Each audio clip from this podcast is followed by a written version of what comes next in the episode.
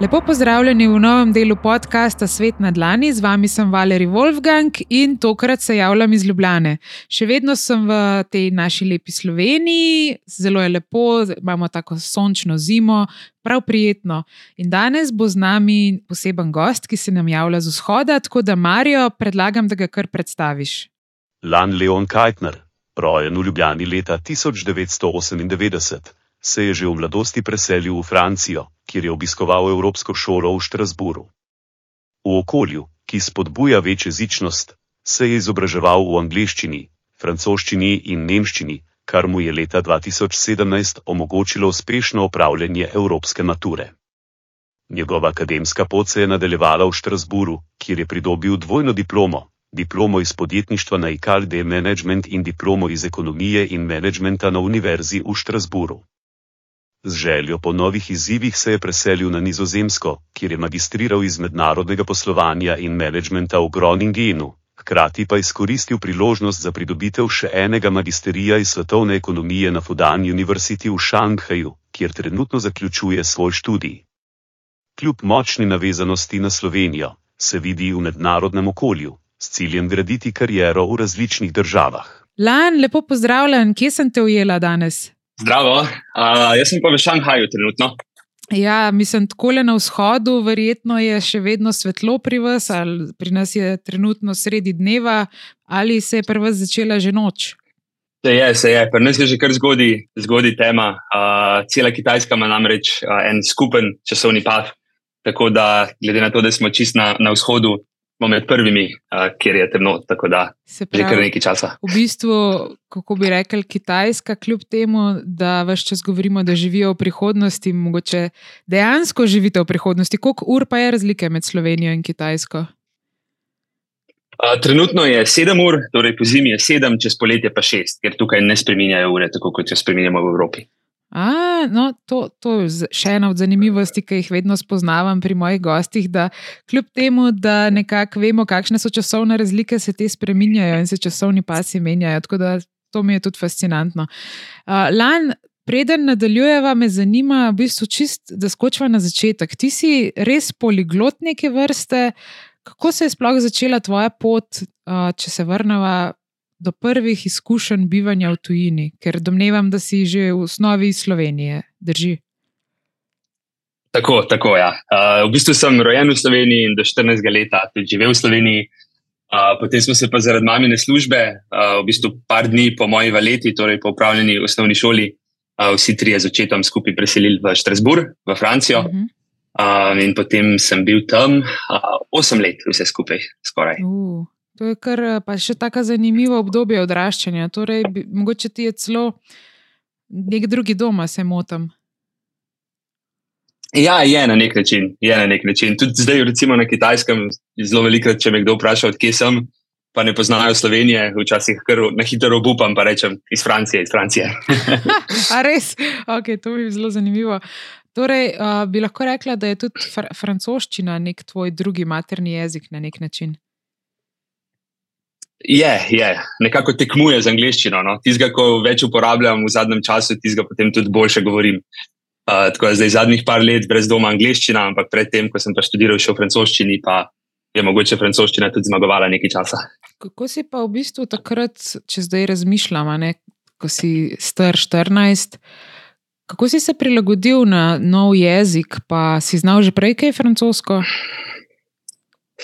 Sploh ne. Uh, v bistvu pred odhodom uh, sploh nisem znal ničesar. Uh, potem sem pa v bistvu kar hitro sem se naučil. Se mi zdi, se v, v teh letih, pri 14 letih, mm -hmm. hitro poberemo nove besede. Uh, se mi zdi, da sem zelo hitro začel odkrivati uh, ta, ta jezik. Uh, pa tudi francozi, ker so znani mogoče potem, ampak se ne potrudijo glih najbolj uh, za tujce. No? Tako da sem mm -hmm. v bistvu bil tudi na nek način mal prisiljen se hitro naučiti, zaradi tega, da sem lahko v bistvu s sovrstniki in ostalimi uh, govoril. Uh, moram pa reči, da uh, ja, kar hitro sem pobral. Bi rekel po enem letu, da sem že vsaj tako, da sem se lahko te vsakodnevne stvari izmenil brez vsakih težav. To je zelo hitro za jezik, ki je dokaj težek. Francoščina naslovi glih po najbolj preprostem jeziku. In mislila bi, da bi celo življenje ostal v Franciji, ampak tvoja pot se je potem še pred Kitajsko nadaljevala, še po drugih državah. A lahko mogoče malo več poveš, kako si potem se odločil za selitev iz Francije? Ja, tako. Uh, v bistvu po opravljenem dodiplomskem študiju v Štrasburju sem se odločil, da mogoče bi me pa zanimalo kaj drugega tudi uh, pogledati. In potem sem videl, da ima nizozemska par zelo zanimivih programov, uh, pa dobre univerze, da so. Uh Mhm. -huh. In sem se prijavil na uh, univerzo v Amsterdamu in univerzo v Groningenu. Uh, na Groningen sem potem tudi bil sprejet in sem se preselil tja, uh, kjer sem opravljal enoletni študij, torej enoletni magisterij iz um, International Business and Management. E, kako to ravno, da si našel nizozemsko, me zanima? Ja, v bistvu sem bil zelo odprt uh, za, za selitev nekam v neko novo državo. Uh, mogoče pa še nisem bil pripravljen, da grem preveč daleč stran od doma. No? Tako da sem pa ne, potem nekako našel nekaj, kar je, kar je nekaj novega, da sem odkril neke novosti, ampak po drugi strani, da sem še vsem bil v bistvu en let ali pa par ur z avtomobilom do, do doma. No? Tako da uh -huh. se mi je zdela nizozemska tak odličen kompromis med, med obema. Tako zelo mi je zanimivo, recimo, kaj ti razlagaš o tem, da si, šel, da si se pač odločil, da boš šel na Nizozemsko. Pa v prejšnjih delih, recimo, ena izmed mojih gosti je bila uh, Tina, ki se je javila iz Antarktike, pa še iz velikih drugih oh, wow. zanimivih delov sveta. In vsi, s katerimi govorim, ki študiramo ali smo študirali ali študirate ali živite v tujini, mi je všeč, ko vsak reče tako na tak zelo preprost način. Ja, in potem sem ne vem, odšel na, na Kitajsko, recimo. Ampak vseeno. Za odločitev za selitev, za iti v neko drugo državo, se mi zdi zelo pogumno dejanje, pa verjetno je povezano tudi z določenimi strahovi. A si imel tudi ti, preden si recimo odšel na Nizozemsko, kakšne zelo pomisleke o tem, kaj to pomeni, ta selitev, da greš samostojno nekam v tujo državo? Niti ne. Uh, se mi zdi, da v bistvu s tem, da sem tako mlad, že prvič se odselil iz Slovenije in to, da sem se že nekako do neke mere navadil. Um, pa tudi se mi zdi, da po, neki, po, po drugi strani nizozemska spet ni bila tako zadeleč. Sem vedel, da če se mi karkoli zgodi, če imam kakršno koli težavo, da sta starša, naprimer, en klic stran in da me boste lahko prišla rešiti, če bo karkoli. Um, seveda se do tega nikoli ni prišlo, ampak vseeno se mi zdi, da je ta nek občutek, da imam neko neko varnost, še vseeno um, v bližini. Mm -hmm. Je pa mogoče potem bila selitev na Kitajsko malenkost bolj stresna, ker je bila pa res čisto neka nepoznana um, dežela, kjer sem vse odkrival na novo, no? mogoče malo bolj kot mm -hmm. na nizozemskem. No, zdaj pa ja, končno se lotiva te tematike današnje. Danes me v bistvu najbolj zanima življenje na Kitajskem in tudi ta tvoja odločitev. Po drugi strani pa tudi kako zapleteno je, če se nekega dne odločiš kot evropski študent, da odletiš na Kitajsko, da začneš študijem in tudi da se najdeš, znajdeš in da v bistvu zaživiš v popolnoma drugi kulturi. A nas lahko mogoče popelješ čisto od začetka, ko si sploh začel razmišljati, da bi šel na Kitajsko in potem, ko si se odpravil. Uh, ja, tako v bistvu se celo življenje, ko sem odraščal in ko sem študiral ekonomijo in uh, podjetništvo in biznis in te podobne zadeve, seveda se zelo veliko govori o Kitajski in o tem, kako kitajska ekonomija in kako je to prihodnost in vse. Tako da moram reči, da sem vedno se zelo zanimal za Kitajsko. Um, ampak istočasno se mi zdi pa, da je bilo nekaj, kar se mi zdi, da nisem sploh poznal. In sem imel res to željo, da odkrijem nekaj novega. Uh, in potem, ko se je priložnost predstavila, uh, je bilo med, med študijem v, v Groningenu, torej ko sem bil še na Nizozemskem, sem izvedel za to možnost, uh, ker je v bistvu partnerska univerza in imajo tak uh, double degree, torej nek povezan program. Torej, v bistvu sem opravil najprej en magisterij na Nizozemskem, potem pridem pa še sem in v bistvu še tukaj opravim en magisterij.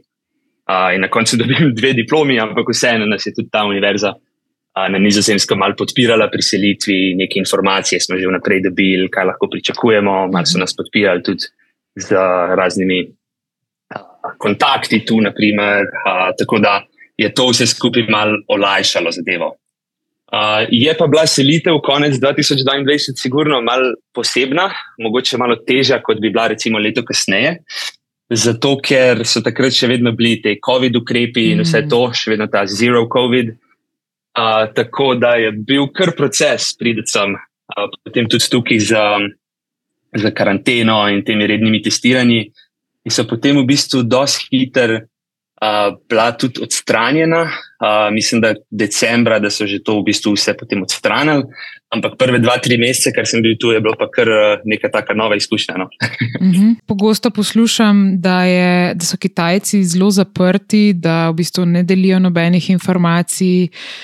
Ne vem, te teorije zarote bi lahko rekla, ker tudi sama imam čist kontra izkušnjo. Jaz, recimo, ko sem živela eno leto v Kaliforniji, v Los Angelesu, so oni tudi Kljub temu, da so američani, pa bi rekel, da ne sodelujejo z Azijo, ne da gre za neke vrste rivalstvo ali karkoli že. Um, je tam v resnici bilo ogromno Kitajcev in jaz sem imela tudi uh, študente. Jaz sem predavala na Chapman University in sem imela ogromno kitajskih študentov. Potem pa so tudi profesori iz Kitajske, recimo, me kontaktirali in da bi se povezali. Ne vem kaj. Skratka, dobila sem občutek, da si Kitajska v resnici, da ni tako zaprta, no, kot sem predvidevala, in da si v resnici želijo ogromno tujcev. In uh, zdaj me zanima tvoja izkušnja, ko si se pač preselil. A si dobil tak občutek, da si dobrodošel kot tujec, ali mogoče, da, da so malo nezaupljivi do tebe zaradi tega? Uh, ne, brez doma, uh, zelo, zelo dobrodošli. Moram reči, uh mhm. -huh. da so zelo odprti uh, in akademsko, torej razne te univerze, ki, ki odpirajo vedno več programov in se trudijo privabiti čim več tujih študentov, um, do firm, ki so vedno bolj odprte. Tudi v zadnjem času so sprejeli ogromno novih um, zakonov za olajševanje uh, pridobivanja vize, torej za tujce in uh mhm. -huh. take stvari. Tako da, kar se tega tiče, sigurno, sigurno so zelo odprti za sodelovanje s tujino in, in vabijo talente in, in ljudi v državo. To, o tem sploh ni dvoma. Kar se pa tiče tudi ljudi, bom rekel, v vsakodnevnem življenju, pa tudi zelo, zelo, zelo prijazni, uh, potrpežljivi, kar se tiče jezika. Um, jaz sem tak, da se zelo rad pogovarjam uh, v kitajščini, tudi se potrudim. Wow. No? Uh, in tudi, če delam kakšne napake, moram reči, da so zelo, zelo strpni, prijazni, mm -hmm. nasmejani, uh, radi imajo tujce, zelo velikrat. Naprimer. Zdaj, glih dva dni nazaj sem bil v, v restavraciji, smo jedli večerjo s prijatelji, torej smo bili v bistvu sami tujci, sami evropejci. In je imela miza, mizo stran, so imeli rojstni dan, je bila ena družina, mogoče 20 ljudi. In so imeli torto, in so nam prinesli tudi nam torto za mizo, in so nam rekli, da pač tujci smo vedno dobrodošli, in da, in wow. da uh, če, če bi želeli prisedeti, in potem smo jedli skupaj torto in se pogovarjali, malo pol kitajsko, pol angliško. Um, tako da moram reči, da ja, mogoče ta, ta dogodek pokaže, no, ampak uh, to je nekaj, kar brez doma doživljamo vsak dan, da so zelo strpni, prijazni, nasmejani, radi se pogovarjajo s tujci. So seveda neki predsotki, naprimer, zelo velikrat me vprašajo, ti si tu, ker si američan. Uh, tako da mislim, da ja, večinoma, kar vidijo belih tujcev, takoj predvidevajo, da smo američani. Um, to, to se mi veliko zgodilo. Če recimo rečeš, da si iz Evrope, a te drugače obravnavajo če, kot če bi rekel, recimo, da si američan, imaš mogoče kakšno referenčno primerjavo. Čistko, me zanima, ali so do američanov enaki kot vem, do, do evropejcev. Ali mogoče kako mm, drugače? Ne, ne bi rekel. Ne bi rekel, da se karkoli spremeni. Uh, mislim, da samo najverjetno veliko tujcev, ki je tukaj, so američani, uh -huh. uh, mogoče zato. Uh, drugače pa ne, mislim, da nimam občutka, da bi drugače nas tretirali, uh, glede na to, odkje smo. Uh mhm. -huh. Mislim, da nasplošno zelo zelo spoštovanjem in, in nekim odnosom gledajo na tujce. Zelo včasih imam mal občutek, oziroma kar pogosto imam občutek, da so mogoče mal bolj prijazni in se lepše obnašajo do tujcev kot do svojih. Um, Tvojih sodržavljanov. No. no, to, kar si zdaj omenil, sem pa tudi sama doživela. Jaz sem bila na kitajskem dvakrat. Enkrat sem bila v Pekingu, enkrat pa v Guangzhouju, no, to sem verjetno na robe zgovorila. Uh, in uh, sem bila obakrat poslovno, sem bila nekaj dva ali tri tedne In sem opazila tudi sama, no, da so mene, do mene kot neko gostjo, in pač več kot očitno je bilo, da nisem Kitajka, ker sem drugačna po videzu, sem vedno bila zelo tako prioritetno obravnavana. Tudi naprej so me vzeli v kakšni vrsti. V bistvu mi je bilo kar mal naroden, pa neprijetno zaradi tega. Tako da mi je zanimivo, da tudi ti to omenjaš. In uh, tako. Zanimiv fenomen mi je to v resnici, ker se mi zdi, da v tudi v drugih azijskih državah pogosto tujce obravnavajo celo malo bolje kot svoje, kar je tako, če gledam nekatere druge države, ki niso na azijski regiji, je pa glih kontra. No? Da, a mogoče se ti zdi, zakaj bi tako bilo, oziroma odkje bi izvirala ta neka azijska, skoraj bi lahko rekla, ponižnost do, do tega, da tako lepo sprejmeš neko, neko tujo osebo. Ja, to, to se tudi mi sprašujemo. Uh, kot si rekla, ja, veliko tudi mi opazimo, naprimer, da, da nas spustijo naprej čez vrsto. Naprimer, je vrsta v restavraciji, ljudje čakajo zunaj in potem pride skupina tujcev in se kar naenkrat nekje najde neka miza zadaj. Um, tako da to je sigurno pogosto. Uh, mislim, da celo mogoče kdaj računajo, u, če bojo pa tukaj tujci, pa meni bojo pa tudi drugi gosti rajš prišli, mm. zato ker bojo mislili, da je boljši ali pa se hotel z njimi družiti ali kar-koli. Um, Odkje pa to pride, je pa, je pa dobro vprašanje. Um, mogoče delno še vedno od tega, da poleg, kljub temu, da gre kitajski ekonomiji, seveda zdaj odlično in da se, da se država hitro razvija, da je še vseeno mogoče nek občutek, da okay, tujci uh, imajo torej iz razvitih držav imajo veliko več denarja, karkoli, torej neki ti stereotipi, mislim, da še vedno obstajajo. Uh, je pa brez dvoma razlika med temi velikimi mesti, kot so naprimer Šanghaj, Shenzhen, Guangzhou, kot si, kot si omenila, uh -huh. uh, in pa manjšimi, manjšimi mesteci oziroma vasicami, kjer smo mogoče potovali. Se mi zdi, da so te velika mesta vsem bolj uh, navajena na tujce in mogoče malo manj um, nas drugače tretirajo, medtem ko kakšne te manjše vesice so pa ljudje, ki naprimer nikoli še niso videli tujcev ali pa jih vidijo samo tolkrat na leto. Uh, se nam pa velikokrat zgodi, naprimer, da se hočejo slikati z nami ali pa nas kar pridejo oh, slikati. Uh, enkrat me je ena družina prosila, da lahko prosim držiš nas dojenčka, pa da, da te slikamo z dojenčkom. Oh, moj bog, resno, wow. tako, da, wow. Uh, je, kar, je kar zanimivo, ja, tako, da smo mal tudi. Uh, kar neke zvezde oziroma celebrities. oh, wow. Okay, zdaj mi je malo bolj jasno, kaj meni pa tudi v Pekingu, par ljudi se hotel z mano slikati, ni mi bilo sploh jasno, zakaj, ampak kako je zdaj.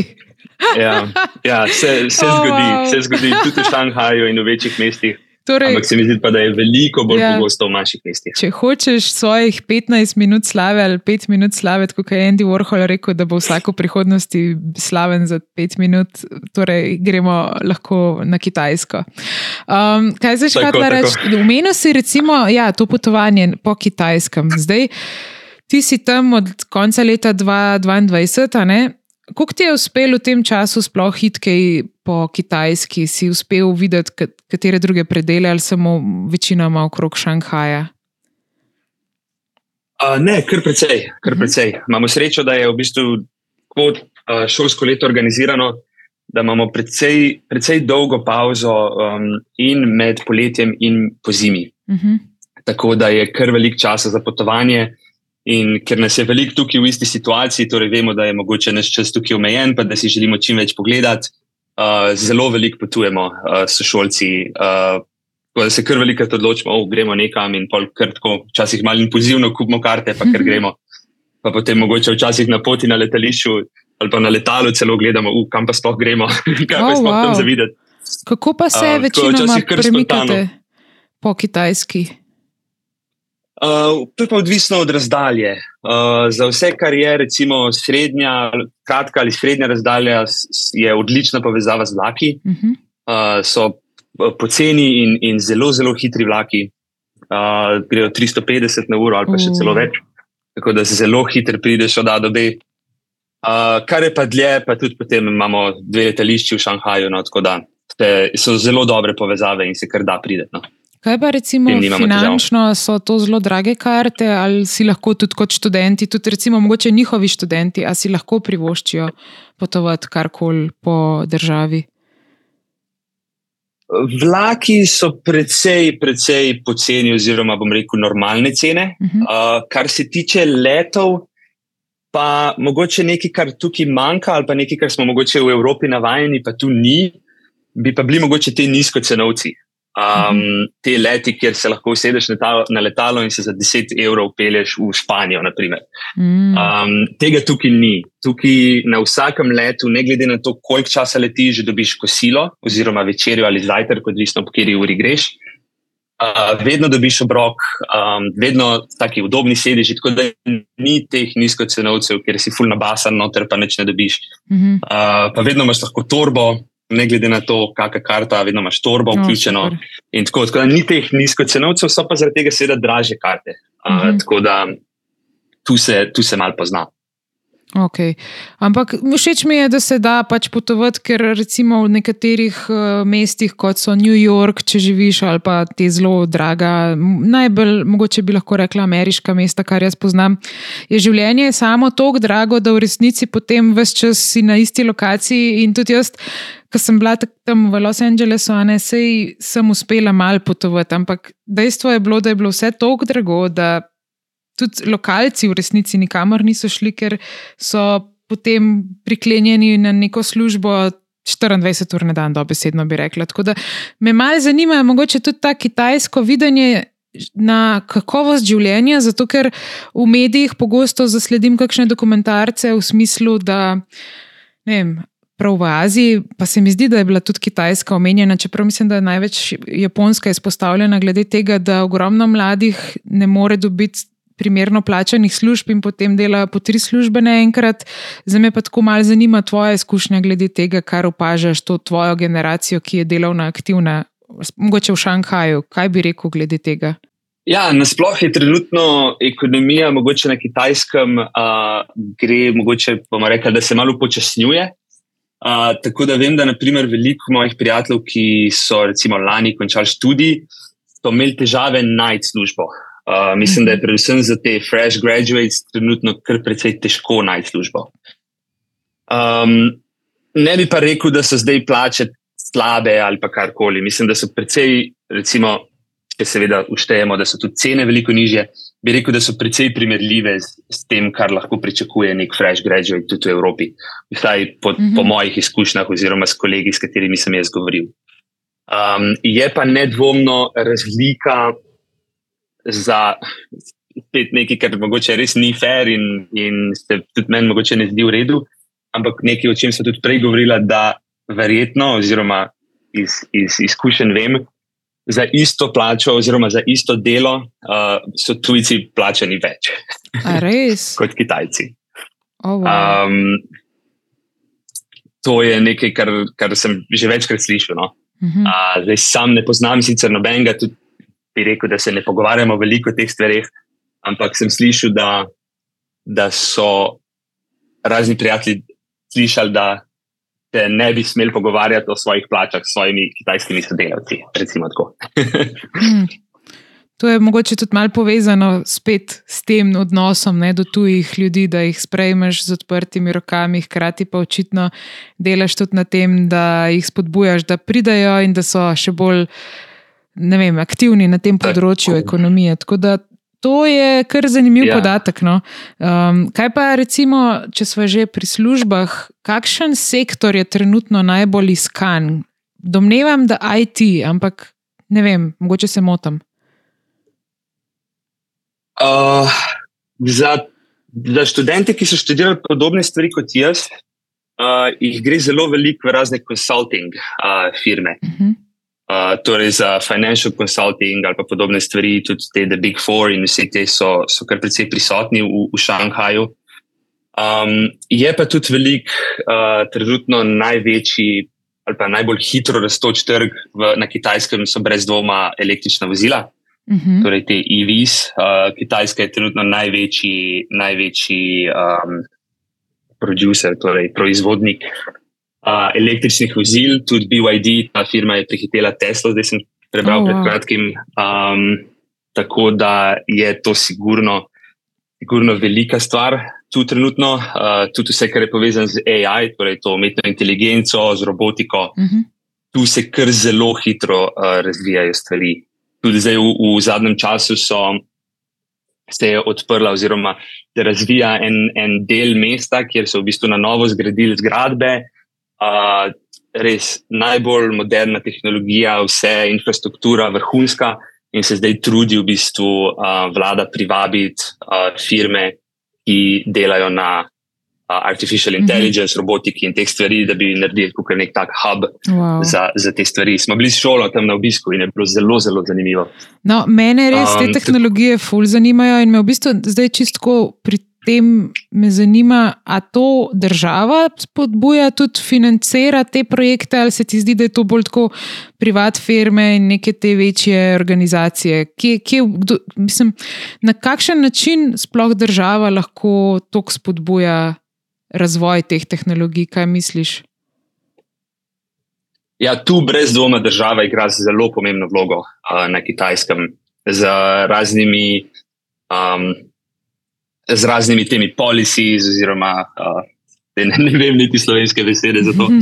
Um, raznimi subvencijami, mm -hmm. raznimi zakoni, ki jih sprejmejo za to, da bi privabljali, oziroma um, ja, tudi, naprimer, davke prilagodijo uh, za prvih par let in take stvari. Uh, infrastrukturo, uh, tudi kjer sem bil, recimo, za, za ta hub, novo odprt v Šanghaju, uh, so tudi olajšali pogoje za pridobitev vize za tujce, mm -hmm. za posebej za STEM, za STEM področja in te stvari. Uh, tako da zelo, zelo veliko, oziroma večina bi rekel, da tukaj pride uh, teh inicijativ od, od vlade ja, oziroma od države. No, to mi je res super, vse tudi sama, kar pač spremljam, sem zdaj zaznala, da recimo je prav Kitajska, mislim, da je največ trenutno kupla nekih teh poltransmiterjev ali kako se reče to v slovenščini, uh, reduktorjev in nekih čipov, skratka tudi hardvera, torej te, teh fizičnih komponent za razvoj uh, vseh možnih tehnologij, so največ svetovno pokupili in imamo občutek, da bo ta hub, recimo Prvska je zdaj v Šanghaju, da bo to še zraslo, da bo cela Kitajska zdaj le intenzivno ta sektor še bolj razvila in domnevam, da se bodo tudi povezovali še bolj s tujino. Tako da je na nek način tudi priložnost, mogoče za kakšne slovence, ki mal razmišljajo, kam bi pa šli, kje bi bilo njihovo delo cenjeno in tudi kje bi bili primerno plačani. Ker nažalost, no, se mi zdi, da vsaj pri nas v Sloveniji imamo ogromno strokovnjakov, ki so pa res podcenjeni in v bistvu ne dobijo niti primerne službe v smislu uh, strokovnega znanja, ki ga nudijo. Tako da mi je kar žal po eni strani, no, da, da moramo Slovenci iskati delo v tujini, ker nekateri pa bi radi ostali tukaj, ampak po drugi strani je pa ravno to, mogoče Šanghaj je tak primer, da je pa tudi življenje v tako velikem mestu veliko bolj pestro. Tako da recimo bi lahko ti rekel, da je Šanghaj. Da nudi veliko več možnosti samega življenja, ne samo dela. Tako vsakdanjih aktivnosti. Kaj se recimo čez dan dogaja tudi v mestu, me zanima, kako si zapolniš dan poleg dela. Uh, ja, dobro vprašanje. Uh, eden izmed razlogov, zakaj si ti želimo stati v Šanghaju, je to, da se mi zdi, da je vsak dan neka nova avantura in da vsak dan odkrivam neke nove stvari, uh, ker se res skozi dogaja. Uh, vedno so neki dogodki, ogromno je teh raznih muzejev, raznih uh, uh, pop-up storov, takih stvari, ki se, ki se skozi spremenjajo. Uh -huh. um, en mali fun fact: uh, Šanghaj je tudi mesto z največ coffee shopi na svetu. Oh. Torej, največ uh, teh prodajaln kave. Uh, kava je zelo popularna tukaj. Okay, to si me čisto uh, To je prodano, že prihajam. Jaz sem fuljubiteljica kave, ne bi rekla, sploh, wow, nisem vedela. Ja, tudi, tudi mene je presenetilo. Ja. Sicer je kar zanimivo, sem gledal. Um, prodaja kave, razlika med uh, vzhodom in zahodom Kitajske. Uh mhm. -huh. In res ta obobalni del je ogromno, ogromno kave se prodaja, skoraj primerljivo z, skor primerljivo z zahodnim svetom. Potem pa bolj, ko se oddaljuješ, uh, manj je. In v bistvu na, na zahodu države praktično ni kave. Uh -huh. uh, tako da je res uh, zanimivo. No? wow. um, Ja, kar se pa tiče uh, aktivnosti in teh stvari, je pa, je pa res ogromno. No? Um, Recimo, od muzejev do restauracij, do vsega, kar se nekaj dogaja, ogromno dogodkov. So, so parki ja? ali pa kakšne možnosti tudi preživljanja v naravi, ali je Šanghaj bolj tako betonsko mesto? Uh, mislim, Tako je. V primerjavi, z, v primerjavi mogoče z Ljubljano ali pa z, z evropskimi mesti, ki so res vedno bolj zelena, je bolj betonsko, to je mhm. sigurno. Uh, kar pa seveda ne pomeni, da ni zelo lepih parkov, drevoredov in podobnih stvari. Uh, ogromno cest, naprimer, oziroma ulic, ima, rože ob robu in take stvari. Tako da, mhm. sigurno nek, nek trud je v to vložen. Je pa dejstvo, da je to mesto z več kot 25 milijoni ljudi uh. in da je to nekam treba spraviti. Ja. Uh, ampak je, je veliko parkov, tudi v bližini uh, mojega kampusa, kjer trenutno bivam, uh, je en zelo, zelo lep park, uh, ki, je, ki je res fajn za pogled. No? Uh -huh. Časi grem tja teč.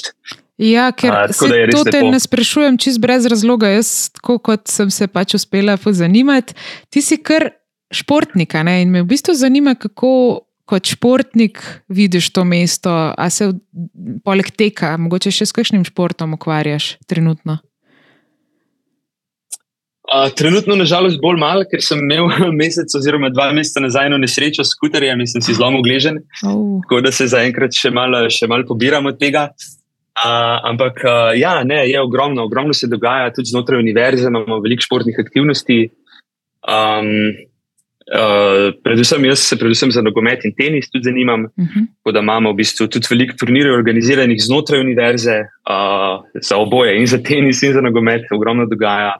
Veliko je klubov, uh, recimo, uh, naprimer, dva sošolca imam, ki ste z nizozemske in igrate nogomet v nizozemski ekipi. Torej, najde se uh mhm. -huh. skupina ekspertov, ki so nizozemci in se rečejo, mi bomo igrali skupaj futbal. In potem je tudi veliko nekih dogodkov, kamor se lahko prijavijo kot ekipa. Wow. Uh, tako da je, je presenetljivo športno mesto, tudi vsako leto imamo maraton, šanghajski. Oh, um, kako pa izgleda ta maraton, tole me pa malo zanima. Kater mesec je ponavadi in v bistvu res zaprejo, mogoče središče mesta? Ja, uh, konc, konc oktobra, mislim, da je bilo oktobra, novembra uh -huh. nekje. Uh, nažalost, me ni bilo v Šanghaju, ker sem potoval v bližnjem mestu. Uh -huh.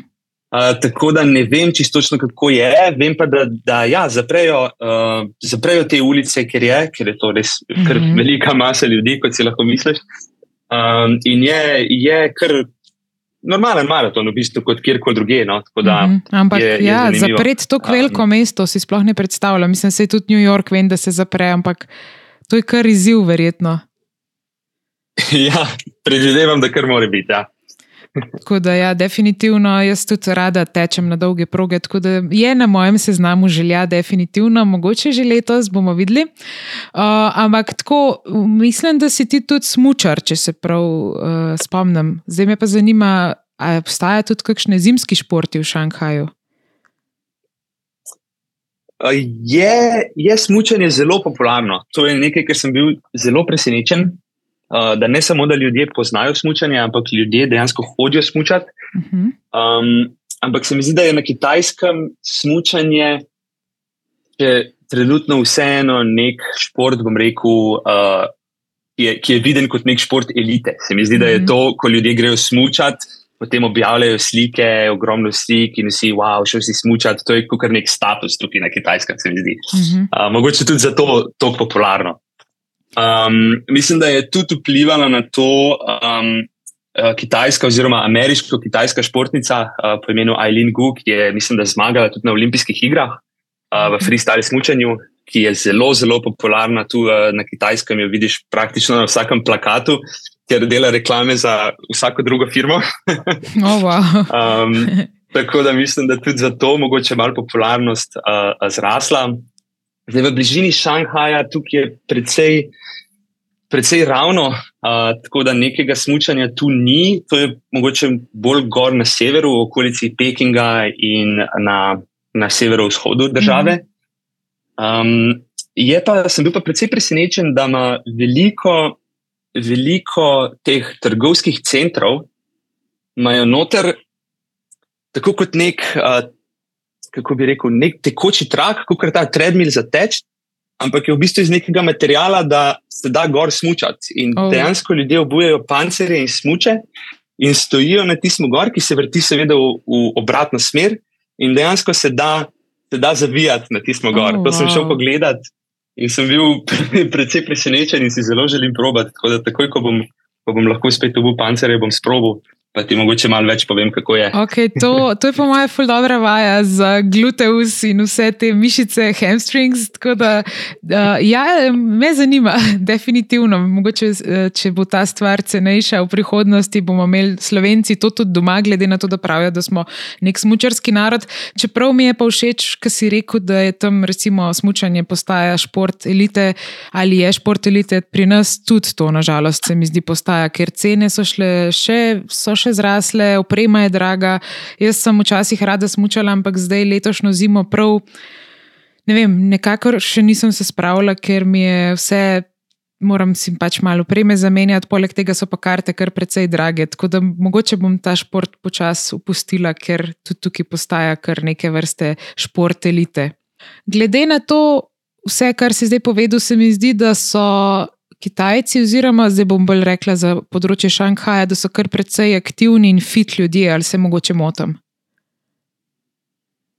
Ja, so, so fit. Um, je pa dejstvo, da šport ni tako popularen kot, kot pri nas, predvsem pri, pri mladih. Uh, Imam občutek, da v Sloveniji, oziroma ja, po mojih izkušnjah v Sloveniji, pa verjetno tudi nasplošno po Evropi, uh, se mi zdi, da praktično vsak otrok trenira nek šport. Yeah. Ja. Um, Medtem ko tu je pa res zaradi tega šolskega sistema in vsega, in zaradi tega, ker je v bistvu okolje zelo kompetitivno že od mladih let. Uh, uh, se mi zdi, da veliko otrok uh, se predvsem uči, uči, uči, in da je šport mogoče prepogosto še vedno viden kot neka ovira oziroma neka, neka distrakcija pred, pred, pred učenjem oziroma od učenja.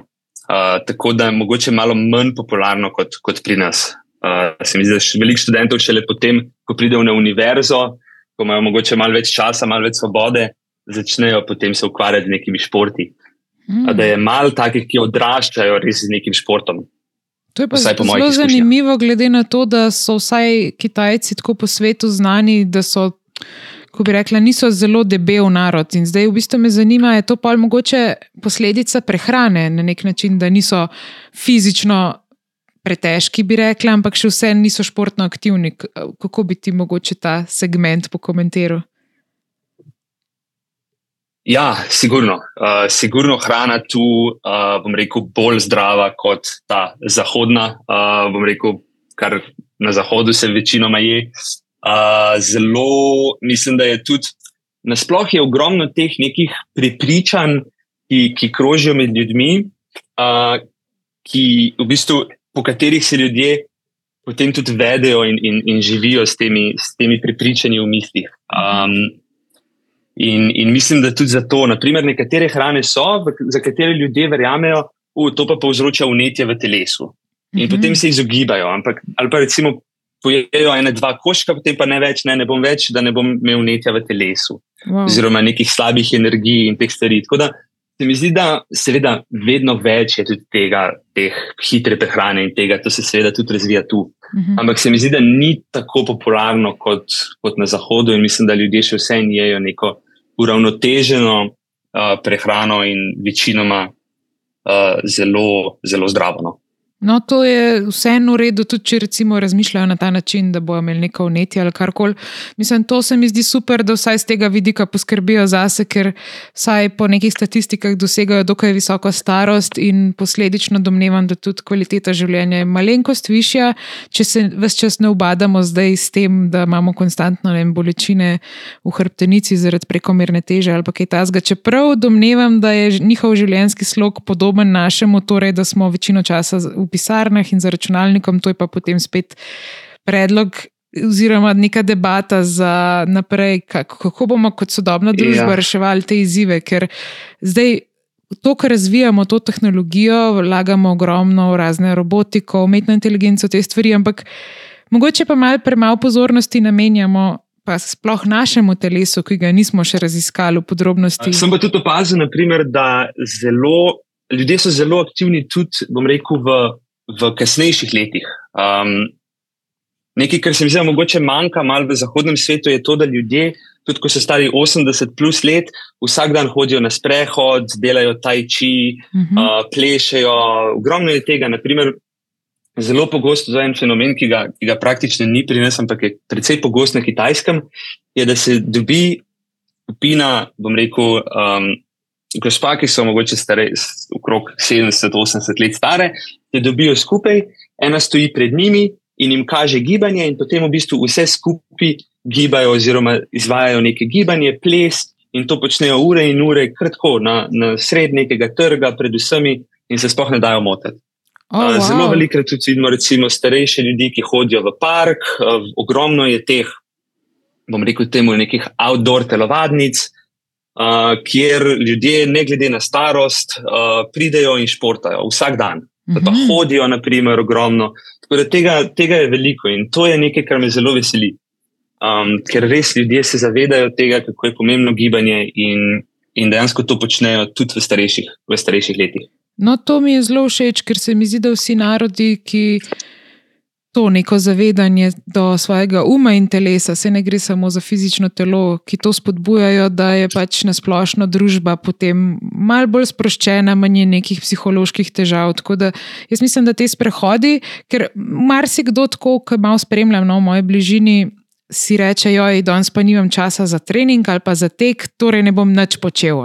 To je nek povzetek in pol nekdo te, s to mentaliteto nič ne dela, ampak dovolj je že sprehod, gibanje in druženje. Tako da, če je to ta, recimo, neko vzdušje, ki vlada v šanghajskih parkih, mi je v resnici zelo všeč. Um, zanima pa me, kako pa je mogoče tudi uh, kaj kolesarjev, a se vozite tudi kaj s kolesi po lokacijah, ali so razdalje mogoče prevelike že znotraj mesta, da bi se razvila neka kolesarska mreža. Razdalje, razdalje so velike, seveda. Primer, če se jaz hočem zapeljati od Tule do do centra mesta, naprimer, mi vzame nekje 45 minut za, uh -huh. za podzemno. Uh, torej, razdalje so definitivno. Uh, kar pa ne pomeni, da kolesarstva ni. Uh, je, jaz sem bil zelo, zelo pozitivno presenečen, ko sem videl, kako je kolesarstvo tu, tu zelo, zelo popularno, tudi med mladimi. Uh, zmeri več vidim mladih z, z dejansko zelo dobrimi kolesi, specialkami, oh, wow. uh, ki se vozijo po mestu. Uh, tudi včasih v popolni kolesarski opremi, s čelado, očali, kolesarskem mm -hmm. dresu, dejansko grejo kolesariti kot športno aktivnost. Je pa tudi kolesarstvo zelo popularno za, ja, za v bistvu komutanje, oziroma za to, da priješ iz točke A do B. Mm -hmm. veliko, je, veliko je teh ponudnikov uh, kole, koles, vsaj tri, vem, zdaj le z glave, ki v bistvu prenesejo eno veliko količino koles na neko točko, in potem lahko kdorkoli v bistvu samo s telefonom poskinira QR kodo. Če imaš naročnino, je za ston. Uh, jaz imam naročnino, ki mi pride, dva, kar je 2 evra na, na mesec. Um, in se potem v bistvu kjerkoli lahko to kolo, kjerkoli ga vidim, poskiniram QR kodo, se peljem, koliko časa želim in ga pustim kjerkoli želim. Oh. Okay. In potem je v bistvu tako organiziran, da kjer kolesa pač se puščajo, um, se ponovadi se potem zgodi to, da so neke točke, kjer jih ljudje puščajo in se veliko koles najde. Zelo redko je samo eno kolo nekje. Ne? Mm -hmm. um, ampak, naprimer, potem pride, um, pride ponudnik z, z kombijem ali tovornjakom, naloži par teh koles in jih spet pele na neko točko, kjer uh, ljudje velikokrat kolesa vzamejo. Torej, je, se, se da, uh, kolesarjenje je ogromno, uh, najbolj popularni so pa skuteri, električni skuteri. Uh, ima pa praktično vsak ima svoj električni skuter in so mhm. tudi zelo poceni in zelo popularni. A si imel ti mogoče nesrečo ravno na enem od teh električnih skuterjev? Ja, ja. Kaj se je zgodilo, nam lahko mogoče malo poveš več o tem? Uh, ja, mislim, tukaj zelo velikokrat vidiš ljudi, ki se kar divje pelejo. Tako da sem vedno mhm. imel mogoče ta mal strah, da bom kdaj imel mogoče skuter nesrečo. Uh, je pa zanimivo to, da sem v bistvu na koncu padel čisto sam. Uh, da niti ni prišlo do tega, da bi, da bi bil v nesreči s kom drugim. Uh, preprosto sem zavil desno in mi je, in mi je spodrsnil, še, še do danes ne vem kako. Um, Ampak, ja, ja nis, nesreča nikoli ne počiva, pravijo. Zdaj me pa zanima še ena stvar. Ti si vodja interesne skupine VTIS, torej v tujini šolanih slovencev, če sem prav povedala. Um, in me zanima, koliko pa sploh je slovencev na kitajskem, oziroma imaš mogoče več stikov s slovenci, verjetno na splošno v Aziji, ampak predvsem pa tudi v Šanghaju in na kitajskem. Uh, ja, nas, nas kar je. Uh, zdaj točnih številk ne poznam. Uh, vem, da članov vtisa v Aziji, mislim, da nas je trenutno okrog deset, uh -huh. uh, torej ne veliko. Uh, je pa brez dvoma tu več slovencev, ki pa še niso, učla, ki niso učlanjeni ali pa še niso učlanjeni. Um, jih bo mogoče prav rekrutirati. Uh, ampak uh, nas, nas je slovencev, tudi imamo konzulat um, v, v Šanghaju in ambasado v Pekingu.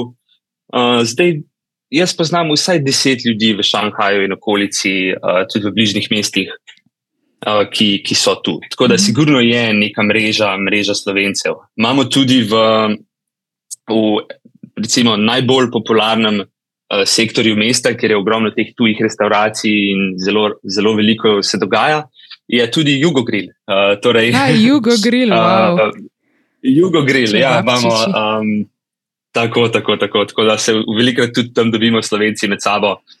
Um, Pa smo malo nostalgični skupaj, no, tako da, da je, je kar fajn. Morate, mogoče ena ideja za uh, tak nek jam session, jugo grila, če vapčiči z rižem ali pa kakšnimi posebnimi azijskimi jedmi. Če smo že prehrani, evo, mogoče kaj pa sploh je najbolj pogosta jed, ki si jo naredijo mogoče domačini oziroma v Šanghaju, prav kaj je trenutno najbolj popularno od teh njihovih lokalnih jedi? Uh, ja, to je dobro vprašanje. Na, v, na kitajskem je, mislim, preden sem jaz prišel na kitajsko, se mi je zdelo, ok, kitajska hrana. Uh, ampak v bistvu ni kitajske hrane. Uh mhm. -huh. Hrana je zelo, zelo različna od province do province, od mesta do mesta. Um, in zelo težko dejansko rečeš, da je to pa kitajska hrana. Ne, to je dejansko iz te province ali te. Uh -huh. uh, zdaj za Šanghaj, uh, Šanghaj hrana je precej, precej sladka. Um, zelo popularni so nekaj, kar se imenuje Xiaolongbao.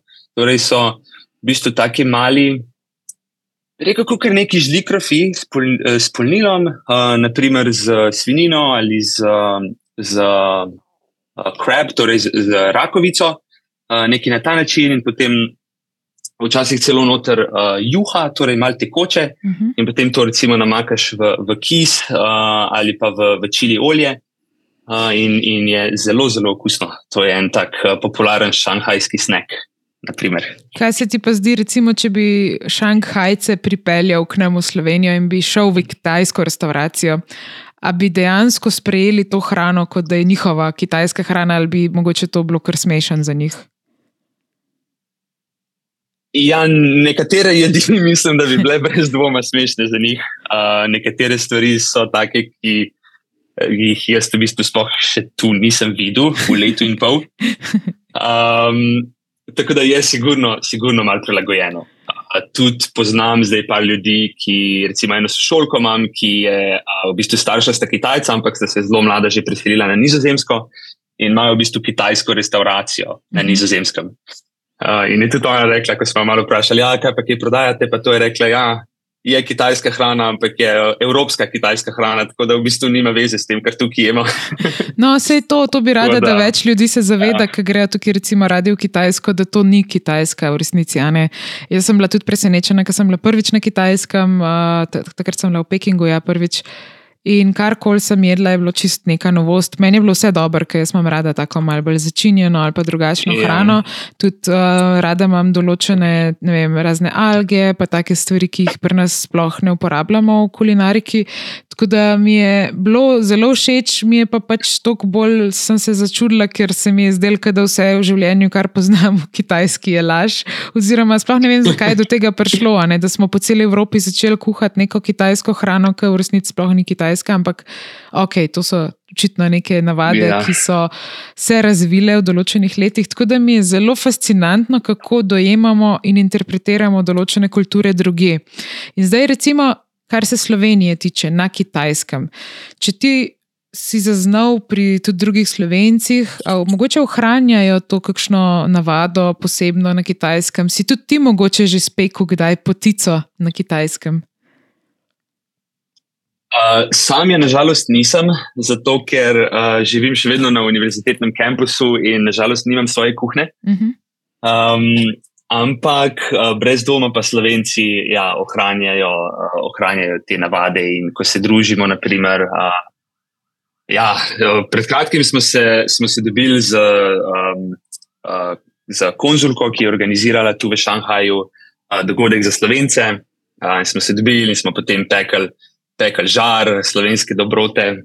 Uh, celo mislim, da je nekdo prinesel potico, uh, ko smo že glih pri tem, in potem smo popevali slovenske pesmi in igrali harmoniko. Tako da je, wow. bilo, je bilo zelo, zelo fajn, da se sigurno ta slovenska tradicija in kultura tu uh, jo, jo ohranjamo.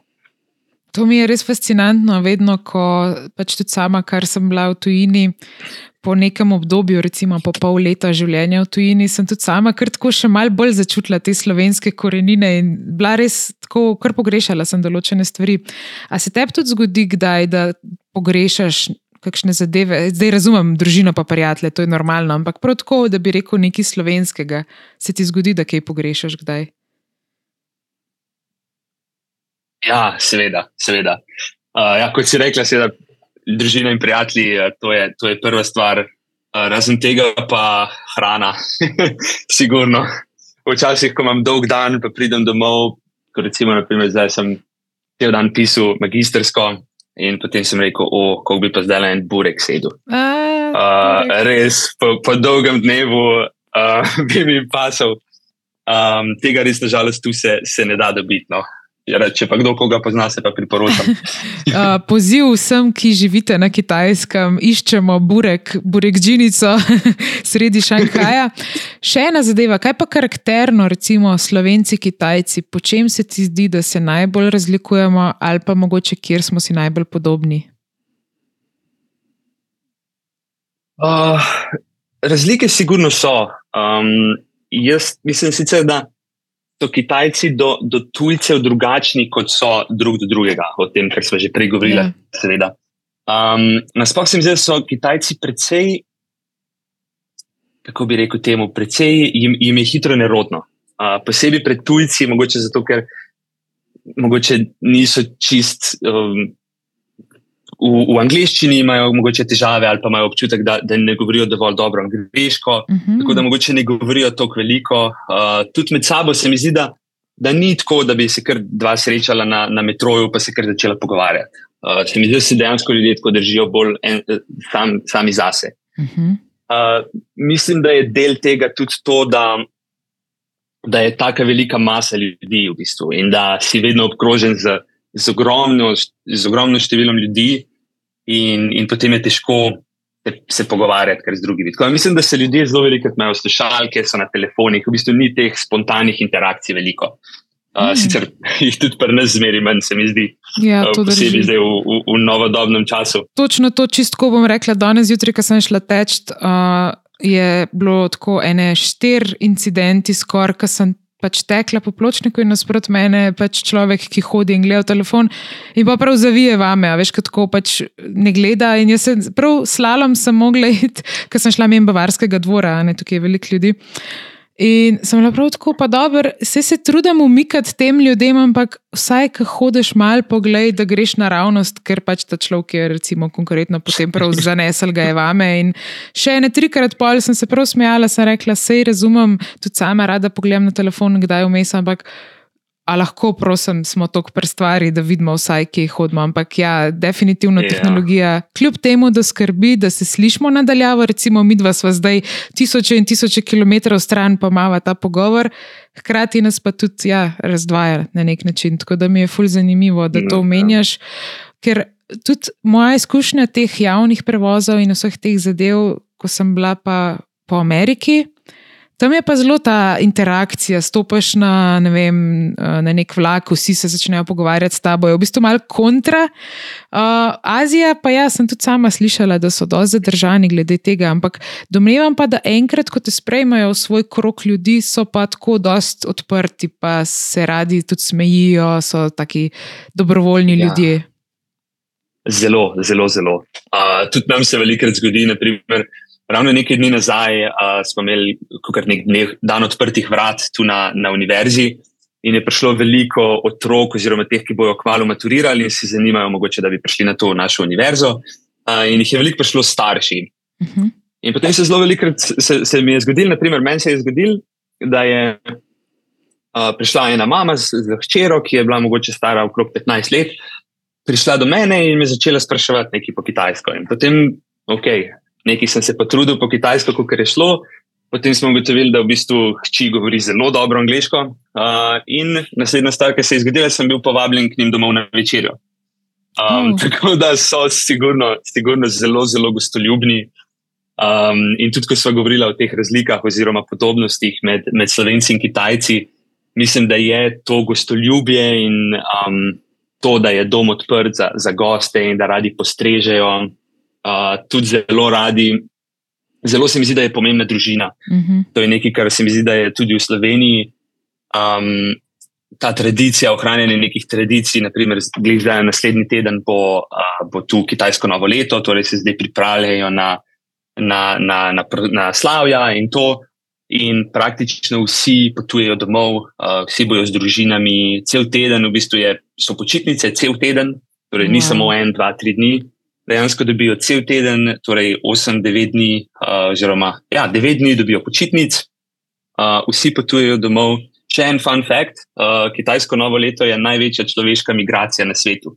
Uh, letos pričakujejo 9 milijard uh, ljudi, da se bo iz, iz A na B predstavilo na kitajskem. Čakaj, uh, kater termin torej, je to, da vem, da takrat ne, ne potujem preveč naokrog? Ja. v bistvu se začne jutri. Um, oh, okay. Danes je bil tu, sicer je, sicer je nedelja, ampak danes je bil tu delovni dan. Zato, ker v bistvu dobijo cel teden, cel teden um, prosto, ampak potem eno nedeljo prej in eno nedeljo po uh, teh počitnicah v bistvu nadoknadijo dva dni. Uf, to je pa kar izziv predstaviti to ljudi ja, po svetu. Ja. Ampak, uh, ja, tako da ravno zdaj sem videl slike iz, iz uh, naše uh, železniške postaje, glavne na Šanghaju. Šanghaju in uh, res je to taka masa ljudi, da, da je kar, kar zanimivo videti. Verjetno domnevam, no, da zdaj, ko si na kitajskem, ne greš tako pogosto domov.